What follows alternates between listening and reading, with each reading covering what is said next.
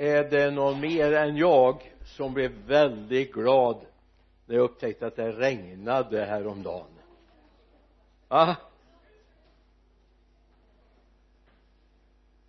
Och igår kväll när vi kom hem ifrån Lidköping jag klev ur bilen här och så kände den där fuktiga luft eller lukten från jord. Man blir bara lycklig. Och sen händer någonting när värmen kommer uppe på det här också. Då smäller det till. Då kan du veta att regnet har gjort sitt. Det vänder inte åter utan det verkar att vara till av utsänt står det så det är gott. Jag sa i eh, fredags att ikväll nej. Dygnet har vänt på sig för mig det var inte så många timmar i sängen i natt. Eh, nu på förmiddagen och jag sa i fredags att vi ska ta en pingsttext. Jag vet att jag är lite tidig. Det har ju inte varit Kristi himmelsfärdsdag än det kommer i slutet på maj. Men då så är det en text och ett sammanhang som jag vill dela med oss idag. Och jag kan väl säga så här att när det här började arbeta inom mig i tisdags så hade det inte börjat regna än. Så jag fick det som en sån där härlig bild bara så här gratis av Gud va? Och jag trodde ju att det var någon mer än jag som hade upptäckt att det har regnat. Åtminstone sett att det var lite vattenpölar på några ställen. Jag ska förklara snart. Vi går till apostlagärningarnas andra kapitel med början på vers 16 nej det är detta som är sagt genom profeten Joel. Och det ska ske i de sista dagarna säger Gud att jag utgjuter av min ande över allt kött. Era söner och era döttrar ska profetera. Era unga skall se syner och era gamla ska drömma. Ja över mina tjänare och tjänarinnor ska jag i de dagarna utgjuta av min ande och de ska profetera ha gärna kvar fingret lite grann i apostlagärningarnas andra kapitel. För om du går några versar tillbaka så händer någonting. Först får vi reda på att lärjungarna är jätterädda. Oerhört rädda. Sitter bakom låsta dörrar och känner det väldigt pinsamt alltihop. Tänk om vår mästare den vi trodde på den vi hoppades på skulle upprätta riket igen. Nu är han död. Ja ja vi har ju hört lite rykten men eh, han går ju inte tillsammans med oss längre. Och så händer någonting. De sitter där i övre salen 120 av Jesu lärjungar och så faller den heliga ande över dem. Och de ser det och de hör det och det sänder dem. Rädslan blir frimodighet oron blir längtan att få känna. Och så har vi kommit över det här. Och så träder Petrus fram tillsammans med de elva och så förkunnar han och förklarar. Och jag tänkte det här är ju pedagogiskt helt rätt. Först visar man någonting och så funderar folk vad är det som händer? Och så förklarar man det var det här som hände. För det är precis det som Petrus gör. Det här har hänt. Ni såg det. Ni har hört det.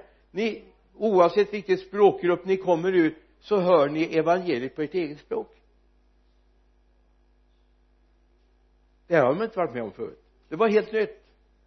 Så händer och så är det som om Gud vattnar på en oerhört törstig människojord.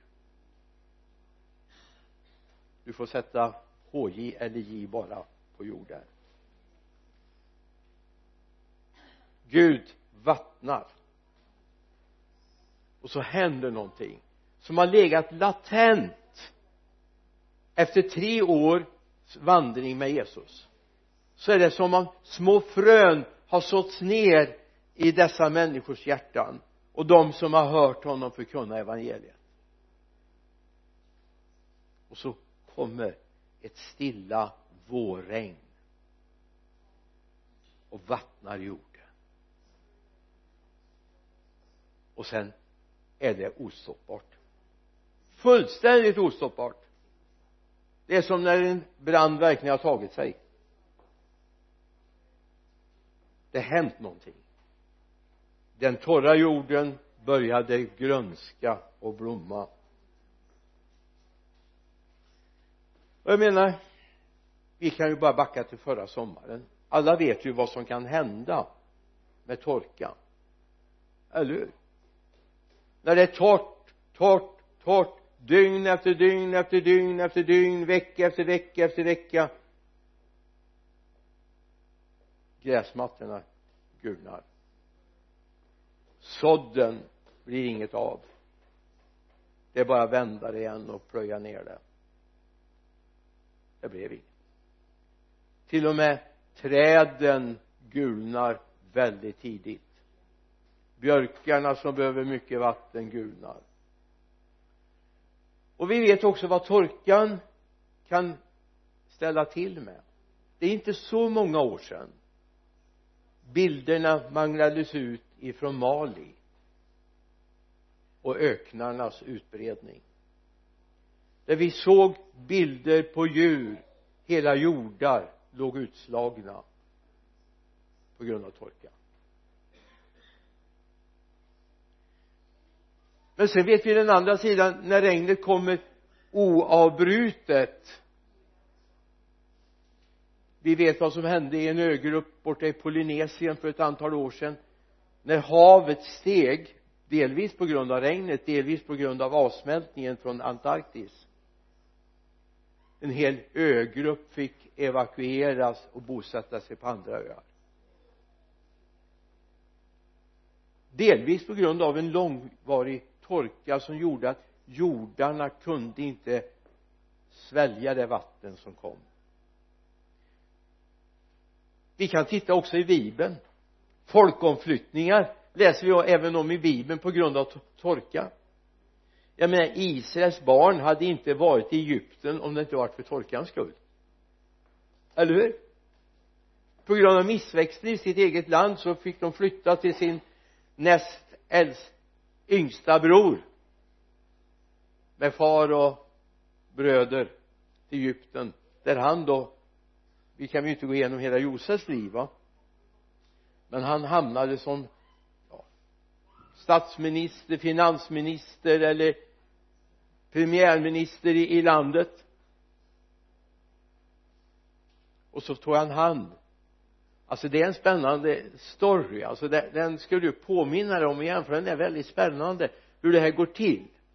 Hur man får ge pant. De känner inte igen Josef men Josef känner igen sina bröder. Med bägaren som göms i sädespåsen och så vidare va? Vi känner till det. Och så helt plötsligt så är ett helt folkgrupp en hel det hebreiska släktet är helt plötsligt i landet Gosen i Egypten. Och det är därifrån vi har talat om att Moses så småningom får ta dem och gå 40 år i öknen på grund av olydnad. Men visst det är torkan som skapar det. Vi ska också kunna titta på församlingsväxande i både vårt land och andra länder. För när torkan kommer det kan de som kan jordar och sånt bättre än vad jag kan. När, när torkan kommer ute i den biologiska faunan så uppstår helt plötsligt andra växter som tar plats och slår ut det som vi egentligen behöver. Och det är precis det som händer också i den kristna världen. När vi lever i en andlig torketid i i den kristna världen så helt plötsligt kommer andra icke helt okej okay rörelser att ta plats. Surrogat ersättningar för det som är äkta och det är det vi ser i vår tid idag. Och det här är viktigt att vi vaknar över. Allt är inte guld som glimmar sa man förr va? Allt är inte andligt som ser andligt ut. Eller hur? Men samtidigt så ska vi lägga märke till att Gud är lite annorlunda än vi. Eller hur? Eller hur? Gud är annorlunda än du är du tacksam för det? Jag ska inte säga att jag är väldigt tacksam för det. Det kan låta väldigt illa. Det är inte så jag menar. Men låt oss först ta med oss till psalm 65 vers 10 och 11 det här är vad Gud önskar för folket du tar hand om jorden och vattnar den. Du gör den mycket rik. Guds flod är full av vatten. Du skaffar säd åt människorna när du så bereder jorden. Du vattnar dess fåror och jämnar det plöjda. Du mjukar upp den med skurar och välsignar dess gröda. Det här är vad Gud vill. Det här Gud gör. Både när det gäller jordarna ute på markerna för att få skörd men också Gud gör i ditt hjärta. Han vill att det händer någonting. Men vi ska komma ihåg Gud har ett perspektiv som inte du och jag känner till. Och som gör att vi ibland kanske lyssnar lite sådär med ett öra eller ett kvarts öra på en predikan därför vi vet inte riktigt vilket perspektiv Gud har. Som vi borde lära oss av. Alltså Gud är annorlunda oss. Om vi säger så här att du skulle vara anställd på ett företag och så vet du att imorgon ska de slå igen portarna och du ska få gå hem permanent från den arbetsplatsen så jag är övertygad om inte för att jag misstror dig på något sätt men jag är helt övertygad om att du gör inte många knop den dagen. Du går mest och slickar såren. Tycker synd om dig. Det ska ju ändå läggas ner. Vad ska jag jobba och slita för? Det ska ju ändå läggas ner. Har jag rätt? Gud är inte sån. Gud vet att den här världen ska avvecklas. Gud vet det. Men Gud kämpar ända in i kaklet för att använda ett slitet uttryck. Gud ger inte upp. Om så han vet att i natt kommer Jesus för att hämta oss tillbaka så har inte han lagt av. Han kommer kämpa för att vattna jorden fram till dess.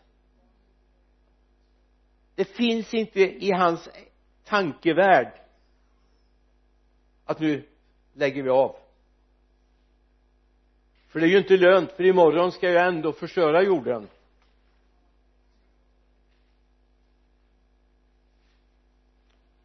Lyssna vad det står i Hebreerbrevet. Vi ska läsa två bibelord som kan vara väldigt destruktiva och kan kännas väldigt jobbiga men som är sanna. Men då ska vi ha med oss Guds perspektiv.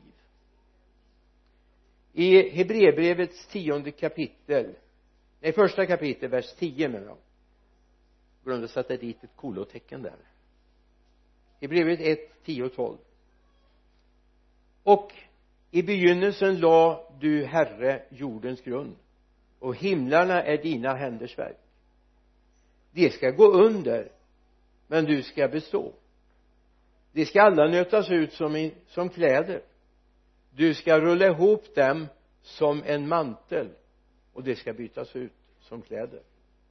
Men du är densamme och dina år har inget slut. Amen. Har du noterat? Det har inget slut. Ändå står det den här jorden ska avvecklas. Det ska rullas ihop. Det ska brännas upp. Om vi går till andra Petrusbrevets tredje kapitel vers 7 men de himlar den jord som nu finns har genom samma ord sparats åt eld och bevaras fram till den dag då de gudlösa människorna ska dömas och gå under. Men ha med nu perspektivet om Gud vet att nästa sekund ska jag göra allt det här då ska jag rulla ihop den här jorden. Jag ska bränna upp den i eld. Bibeln säger att den förra jorden gick under genom vatten. Den nuvarande jorden ska, är sparad åt eld står det.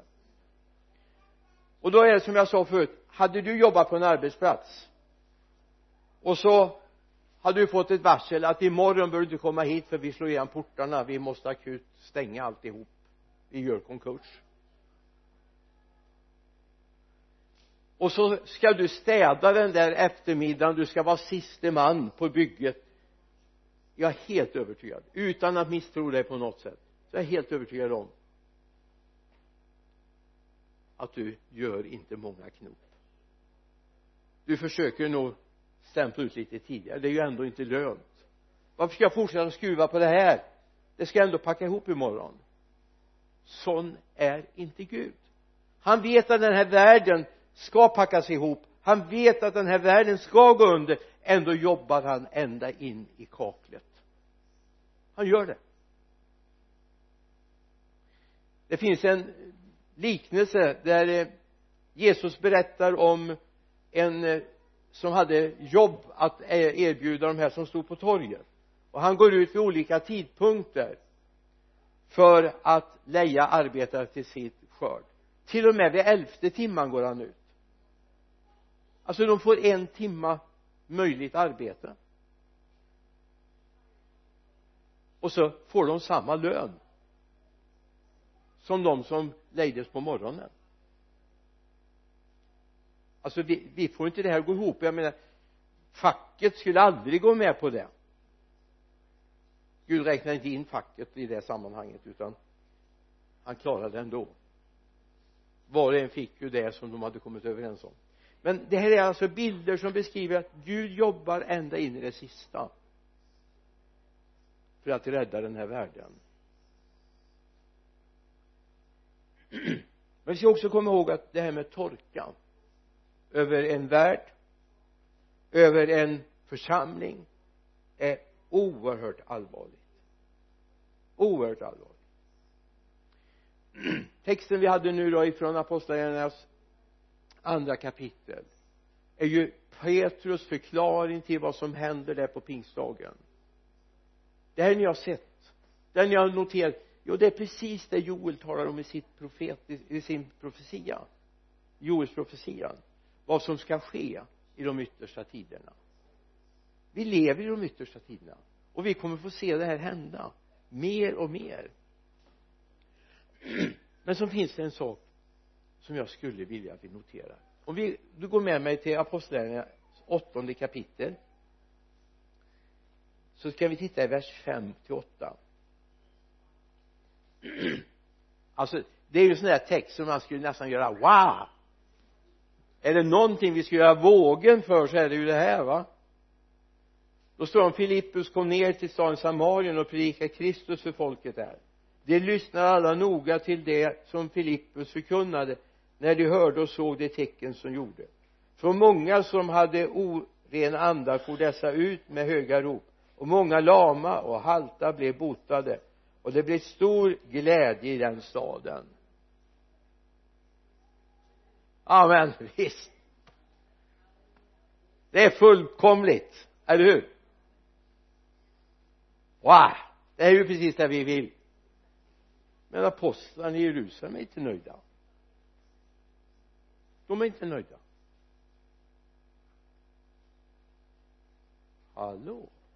Fattas det någonting? Fattas det någonting? Vi tittar lite tidigare eller lite senare vers 14 när apostlarna i Jerusalem fick höra att samarierna hade tagit emot Guds ord sände de dit Petrus och Johannes. Dessa kom ner och bad för dem att de skulle få den helige ande. Eftersom anden ännu inte hade fallit över någon av dem de var bara döpta i Herren Jesu namn. Apostlarna lade då händerna på dem och de tog emot den helige ande. Det är någonting det är någonting som apostlarna uppe i Jerusalem alltså församlingsledningen uppe i Jerusalem upptäckte. Okej okay, det är bra att det sker under och tecken. Men den dagen inte Filippos är kvar vad händer då? För, för eh, Herren hade ju en tanke med Filippos. Han skulle dra vidare han skulle ut på den vägen som var tom av folk va? Som gick ifrån Jerusalem ner till Gaza. Det var ju hans nästa uppgift. Vad hade hänt i, i, i Samarien då? Ingenting. Ingenting. Och nu såg de till att verket skulle gå vidare. Vi har inte mycket stories av vad som sker i Samaria sen men ett förstår vi. Har de fått del av den helige ande? Så blir det inte stiltje i landet. Eller hur? Och det här är en, en litet observandum som vi bör ta med oss. Låt mig få använda en bild från mitt eget liv. Jag är uppvuxen i en pingstkarismatisk miljö. Tungotal uttydning profetia helande. Och nådegåvorna blommade verkligen. Människor blev helade upprättade alltså de profetiorna och de tilltalen som kom på den tiden det har jag inte hört talas om idag. Det ska vara Simon Ådahl som ligger i klass där ungefär va? Utan det är bara att liksom ja Gud vill välsigna. Men det behöver inte jag ha någon profetia för. Det står i bibeln att Gud vill välsigna mig. Behöver ingen tala om för mig för det är bara att läsa bibeln så står det där. Men det där detaljerade. Så lämnar jag hembygden går på en skola och så småningom hamnar jag i lumpen. Gör den i Stockholm och då är vi ett kristet gäng. Härligt frälsta människor från olika delar av vårt land. Östergötland och Göteborg och var vi var allt ifrån. Växjö var det någon ifrån också. Och det var gott. Det var, det var sån här liksom lite tryckkammare över det hela och vi hade väldigt roligt. Vi vi var ute och sjöng och spelade och, och hade gudstjänster och vi hade bönekvällar tillsammans och ja det var, det var verkligen och så kom jag helt plötsligt själv. Skulle bli evangelist på en plats. Medarbetare i en församling. Alltså den känsla jag hade den dagen när jag var i den församlingen efter en vecka eller en och en halv vecka det var som någon hade dratt ur sladden till kraftkällan. Det var som allt hade slocknat jag trodde fortfarande på Gud. Älskar fortfarande Jesus. Men någonting hade tystnat i mitt inre. Jag var inte inkopplad i det sammanhang jag hade levt förut. Jag fanns inte tillsammans med min församling hemma. Jag tillhörde fortfarande det men jag var 40 mil därifrån ungefär. Jag hade inte daglig kontakt med dem jag hade inte mina kompisar ifrån lumpartiden. De var utspridda över landet efter vi hade muckat. Ni vet vi hade en period där vi på expeditions som expeditionssekreterare på på försvarsdepartementet var tre härligt frälsta människor. Ni förstår att det var väldigt bra då på försvarsdepartementet. Vi gick omkring och bad för alla eh, både ministrar och eh, tjänstemän där. Prisa Gud i det har nog inte hänt på försvarsdepartementet på regeringsgatan 1 till 3 som det gjorde då. Men en dag kände jag bara jag behöver få i kontakten igen. Och då kommer den här tanken som vi läser om i apostlagärningarna 8 när allt det här händer vers 14 och framöver som jag läste för någon behöver komma och be och smörja med den helige ande. Det är det här som gör att ibland när vi är i den kristna gemenskapen då kan vi vara hur frimodiga som helst. Och så står vi ensamma på arbetsplatsen. Vi står ensamma. Det är ingen mer kristen i min miljö eller i mitt sammanhang. Och så ska jag försöka stå upp för Jesus. Jag vet att jag är privilegierad i min arbetsuppgift jag umgås med massa frälsta härliga människor va? Men så ser det inte ut på alla arbetsplatser. Och då handlar det om vi behöver ha fått uppleva kraften. Så att den kraften av frimodighet av glädje av Guds ledning det är det vi behöver varje dag. Vi bör umgås med Gud vi behöver vara i en karismatisk miljö jämt. Och det är här pingstbudskapet kommer in. Apostlagärningarna 2, 17, 18 och det ska ske i de sista dagarna säger Gud att jag ska utgjuta min ande över allt kött. Era söner och era döttrar ska profetera era unga ska se syner era gamla ska ha drömmar. Över mina tjänare och tjänarinnor ska jag i de dagarna utgjuta min ande och det ska profetera. Va? Hallå? När profeterade du sist? Är du hans tjänare?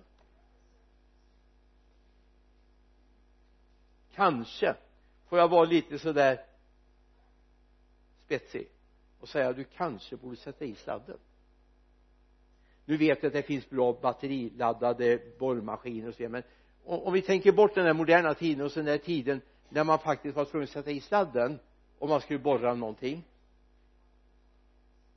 Du vet att det var ganska lönlöst att borra om du inte hade sladden i, eller hur? Nu tänker vi bort de här batteriladdade grejerna va? Moderna. Så är det också med våra liv. Det kristna livet är aldrig uppladdningsbart det är inte uppladdningsbart det är alltid kontakten som gäller. Och Gud är fantastisk vet du. Han har sån där verkligen wifi inkopplad direkt i dig va? Och det är inte från varken Telia eller bredbandsbolaget utan direkt från himlen. Och det är kraftöverföring ifrån honom som du behöver men det behövs finnas någonting som är påslaget i ditt liv han vill att den heliga ande ska bara fylla oss så att vi helt plötsligt känner yes. Och det är här det kommer in. Han ska utgjuta sin ande över allt kött. Han ska utgjuta sin ande över allt kött.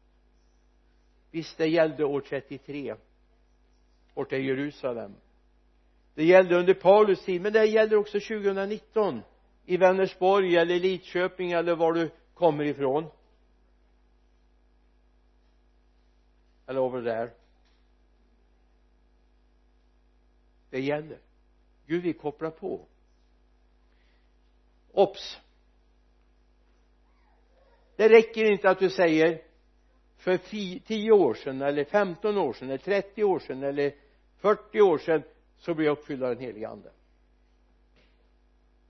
Det räcker inte att jag säger att jag vill uppfylla den helige ande 1967 om jag inte levde där idag så vore det uttorkat. Det här är verkligen en färsk känsla alltså. Det är någonting som jag behöver idag. Jag behöver uppleva att varje morgon blåser han sin livsande över mig. Det är tragiskt. När jag reste runt i församlingar för ett antal år sedan under fem år hade jag en resetjänst vid sidan av min församlingstjänst när jag bodde uppe i Norrland. Och de kom och de var glädjeslagna och de berättade du vet för 20 år sedan då föll den helige ande här. Och jag bara konstaterade det var så torrt. Det var så torrt så det dammade andligt sett över dem. Alltså ibland lever vi i en bild av hur det var frågan är hur är det idag? Det räcker inte att du säger jag uppfylldes av den helige ande 1923 nej det var ingen som var född då. 1990 någon gång. Eller 2011 det räcker inte. Det räcker inte att du sa att du blev uppfylld av den helige ande 2018 eller för en månad sedan. Frågan är hur är det idag? Det är ett färskt flöde Gud vill att du ska leva i.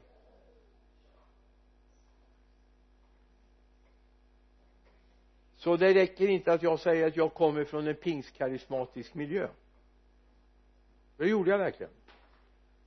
Jag var lite knäpp när jag var nyfrälst. Hoppas du blir lika knäpp. För vi hade bönemöten i min församling jag tror det var torsdagen vi hade det torsdag kväll onsdag kanske det var till och med. Men pingstförsamlingen de hade bön en annan kväll. Och jag var varje bönekväll jag var nog den enda ungdomen som gick men jag hade en sån törst och en sån längtan att få lära känna Gud och få vandra med honom och få vara i de troendes gemenskap och bli smittad av dem så räckte inte det. Och så hade jag en klasskompis som gick till pingstkyrkan på Stockholmsvägen hemma i Mariestad. Och jag sa du tror att det är okej okay att jag följer med dig på ert bönemöte och han var lite osäker. Hansson hette han. Roland Hansson. Jag sa jag ska fråga sa han. Då var Jack Tommy Adenfors pastor där på den tiden. Eller han var ungdomspastor där då. Och Jack Tommy sa det är helt okej. Okay. så jag var med där jag fick så otroligt mycket med mig av erfarenheter och upplevelser av Gud. Jag delade. Det var lika välsignat på båda ställen men det var lite olika. Och jag fick med mig flera bilder av hur man kan ha en bönegemenskap. Därför det fanns en törst här inne. Jag har börjat smaka. Ändå när jag stod ensam så levde jag bara i en miljö. Som jag är oerhört tacksam för oerhört tacksam för att jag fick uppleva det men det hade inte landat här. Det behövdes en tid när jag sökte Gud och han fick sätta i kontakten. I psalm 63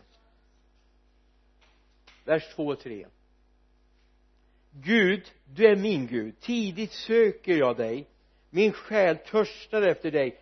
Min kropp längtar efter dig i ett torrt och törstigt land utan vatten så sökte jag dig i helgedomen för att se din makt och din härlighet. Lyssna. Bara den som har smakat den helige ande kommer att söka den på nytt igen. Bara den som har smakat Guds heliga ande nu talar vi inte om aktiviteter vi talar inte om om massa samlingar och möten och gudstjänster och utan att få leva med honom vakna med honom lägga sig med honom att få vandra till jobbet med honom att få rådfråga honom. Bara den som har smakat på en helige ande kommer att längta efter honom. Jag sa förut att att det andliga livet är ingen batterikristendom jag hör människor säga jag ska åka och ladda upp säger de. Vad då du har inga batterier. Du har inte det. Du kan möjligtvis få åka och rensa upp kanalerna ibland. Men du har inga batterier. Men det finns någonting som står i Johannes 7, 37, 38 och det här är lite av mitt mantra höll jag på att säga och jag skulle vilja att du får tag i det här. På den sista dagen, den största högtiden, stod Jesus och ropade om någon är törstig, kom till mig och drick. Om någon är törstig. Den som tror på mig som skriften säger ur hans innersta ska strömmar av levande vatten flyta fram. Det sa han om anden som de skulle få som trodde på honom. Anden hade nämligen ännu inte, kom, eh, inte kommit än eftersom Jesus ännu inte hade blivit förhärligad. Den som tror på mig ur hans innersta ett flöde bryta fram.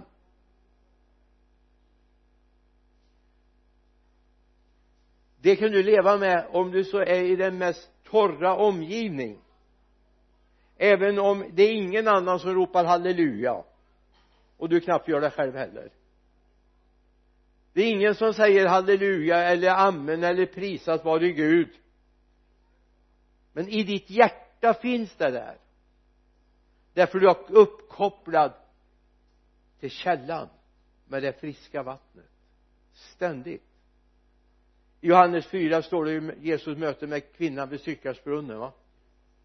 Om du visste vem han är så skulle du be honom ge dig av det vattnet som gör att du inte behöver komma hit igen.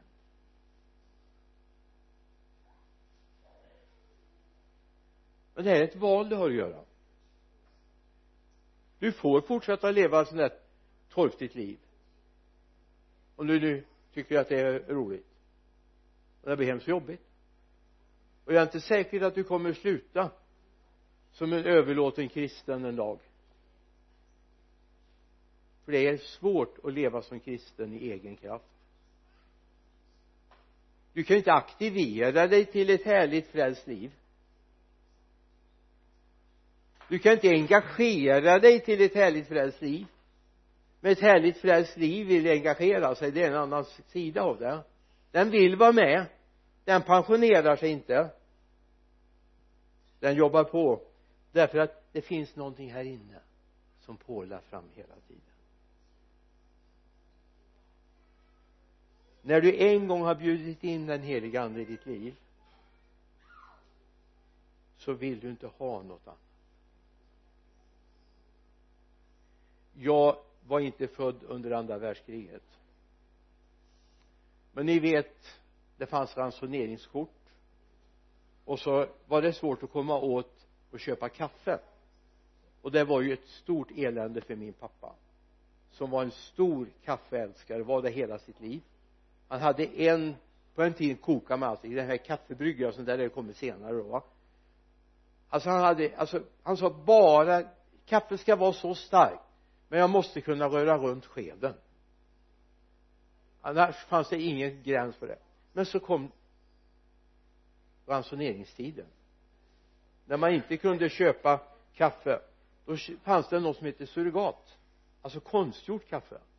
Oftast framtaget på bark och rostat. Det var inte gott.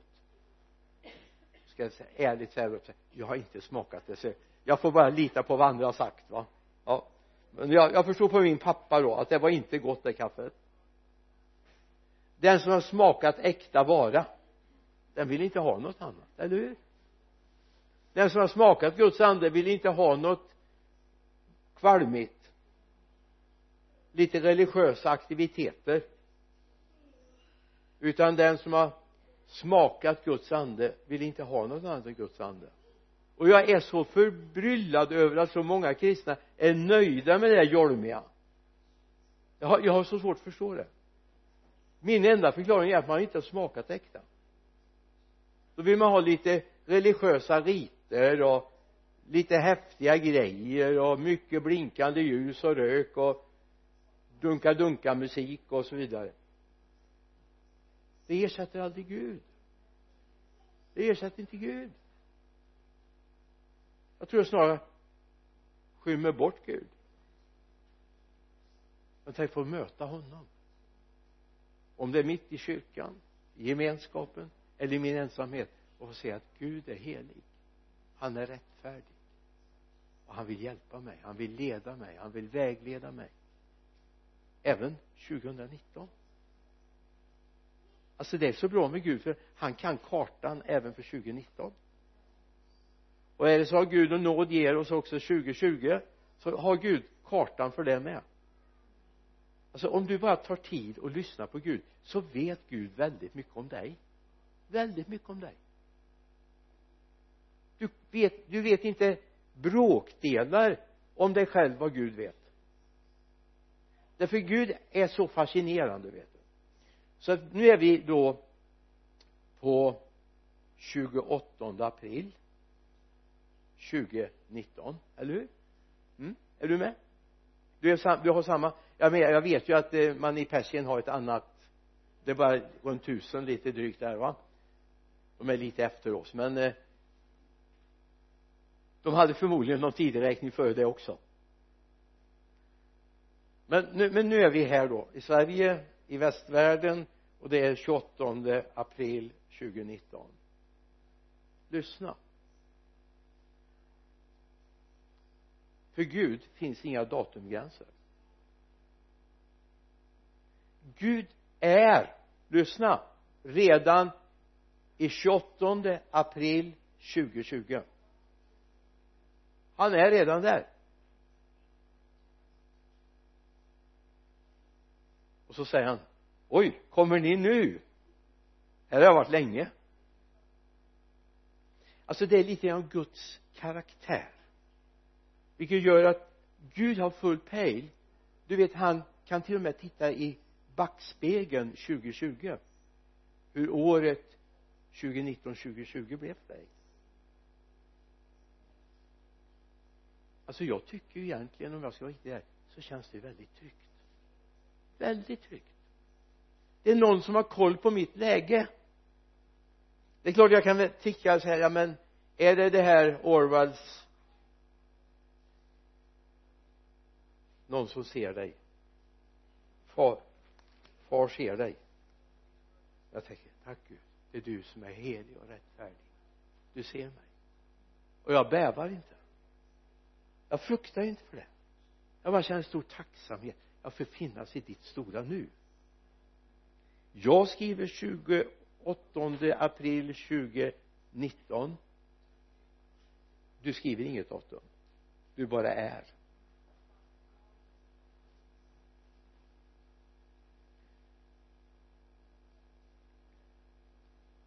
Där Guds ande får komma in händer det någonting. Får jag ta med dig till Hesekiel 47 några versar.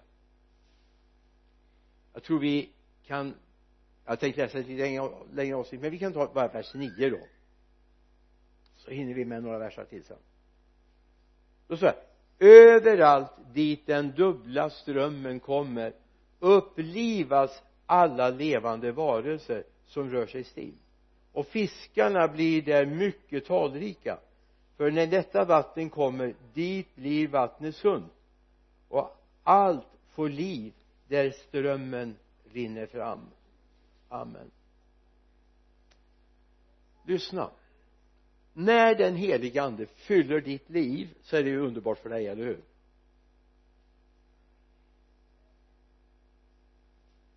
Det händer något mer där den levande strömmen kommer så upplivas allt levande. Allt levande. Där det sunda vattnet kommer. Vilket innebär att dina arbetskamrater får en väldigt mycket trevligare medarbetare. Jag har inget klagomål på det som det är idag. Dina grannar får en bättre granne. Dina släktingar får en bättre släkting. De du har som kompisar i ditt kompisgäng får syn på livet. Flödet får syn på det. Det händer någonting. Det är inte bara en fisk i sunda, det sunda vattnet. Det blir talrikt. Och det är det här vi behöver. I Vänersborg, Lidköping, Trollhättan eller var det är. Vi behöver det det behövs. Allt liva, eh, upplivas av hans ande. Allt får liv.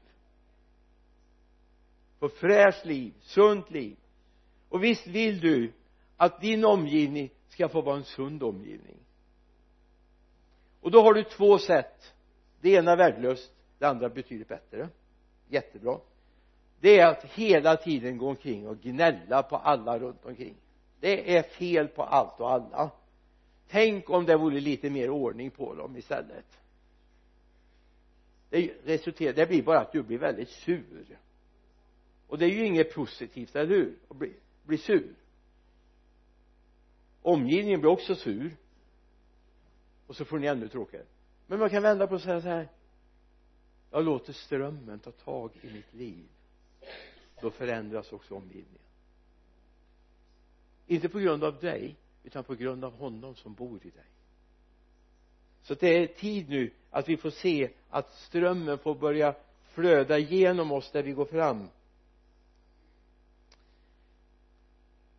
Jag, jag är fascinerad av några bibeltexter, jag har väldigt många men en i apostlagärningarna 10 alltså igen, jag skulle vilja gå igenom hela den storyn men alltså Gud talade först till Cornelius. Mm. visst. Samtidigt talar Gud till Petrus när han är uppe på taket. Pet, alltså Gud hade lite mer problem med Petrus. En av Jesu lärjungar än vad han hade med Cornelius som egentligen var hedning. Är det så att Gud ibland har mer problem med oss än de som vi ska vinna? Jag är rädd för det. Han fick bearbeta Petrus. Nej sa han. Ja men jag äter inte av sånt. Det, det är orent. Det som kommer ner i duken. Medan Cornelius här borta.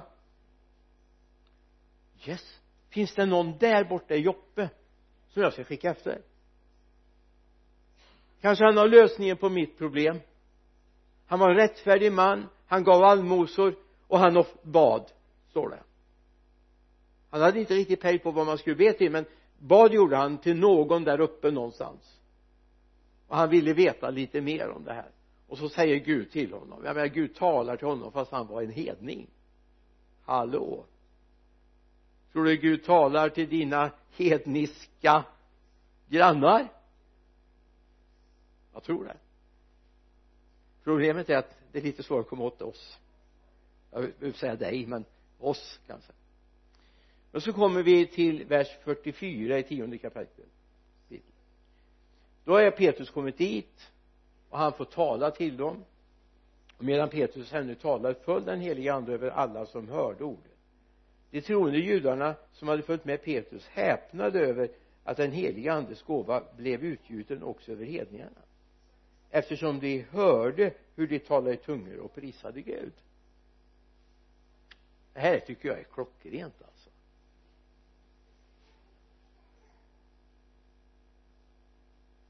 en liten parentes. Jag hade en kollega en gång. Det var när jag var alldeles ny i tjänsten. Vi var nere i en bygd som heter Ydre.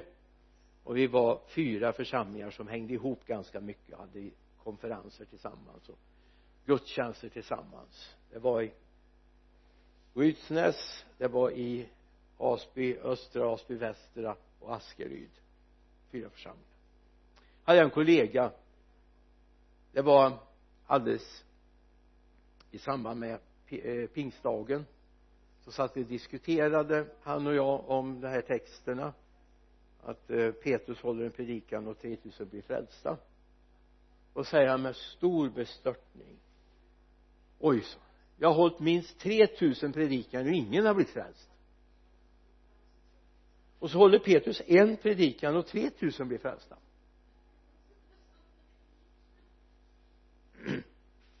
No comments och eh, det jag ville berätta.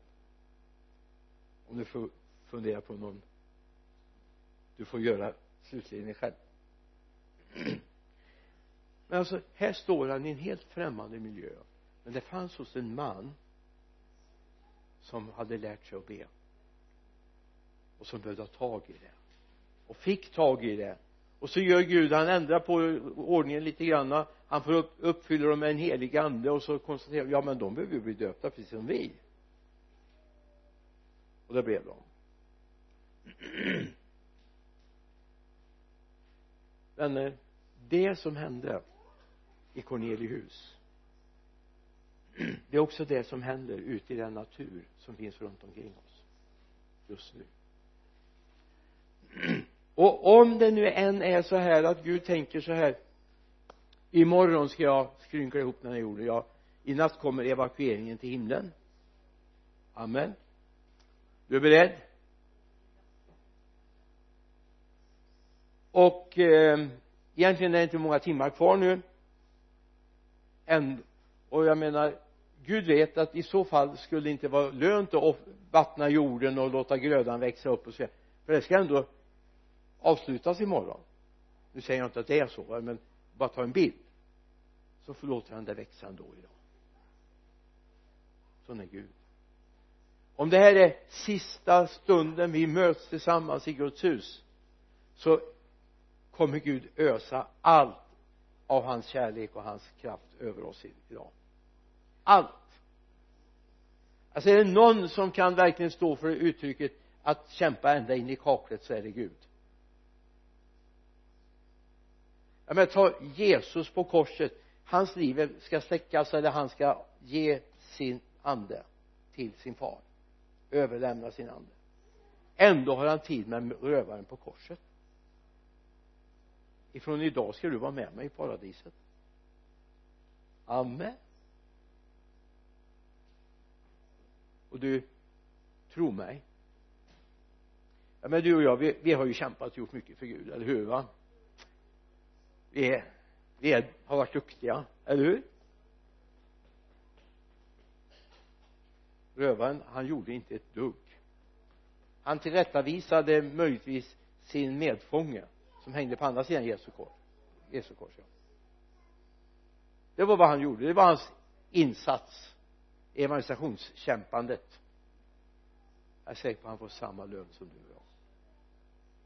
Jag är säker på det jag vill säga om han var nu i elfte timmen och femtionionde minuten.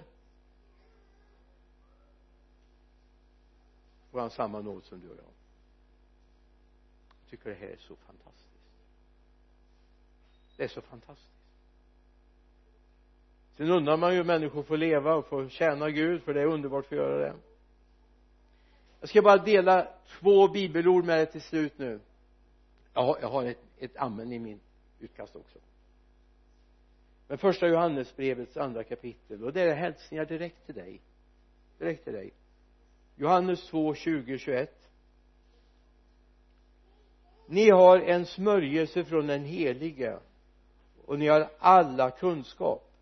Jag har inte skrivit till er för att ni inte känner sanningen utan för att ni känner den och vet att ingen lögn kommer från sanningen. Amen. Ni har en smörjelse från den helige och ni har alla kunskap genom honom alltså. Vi går till vers 27 också. Men smörjelsen som ni har fått av honom förblir i er. Och ni behöver inte någon som undervisar. Hans smörjelse undervisar om allt. Och den är sanning och inte lögn. Förbli honom så som den har lärt er. Amen. Det är vad Gud vill han vill att du ska leva i den smörjelse som kommer från honom. Då blir det mer tack och lov och mindre ack och ve. Kom ihåg det. Lev i den vi ber. Herre jag tackar dig för att du välsignar oss. Herre låt oss få se att du just nu vattnar jorden på ett sätt som vi bara har längtat efter tidigare och då tänker jag inte först och främst på naturen där ute. Jag tänker också på allt folk som just i de här dagarna nås av budskapet om dig Jesus. Jag tackar dig för att det här som de har gått och grunnat på och funderat på herre helt plötsligt kommer det vårregn över deras liv. Och allt det som en dag fanns insått i deras liv här får blomma ut. Herre du vet många församlingar som har levt på sparlåga. Herre nu kommer ett vårregn och det de har läst det de har försökt fundera på herre det ska slå ut och börja växa. Jag ber om det i Jesu namn. Amen. Amen. Amen.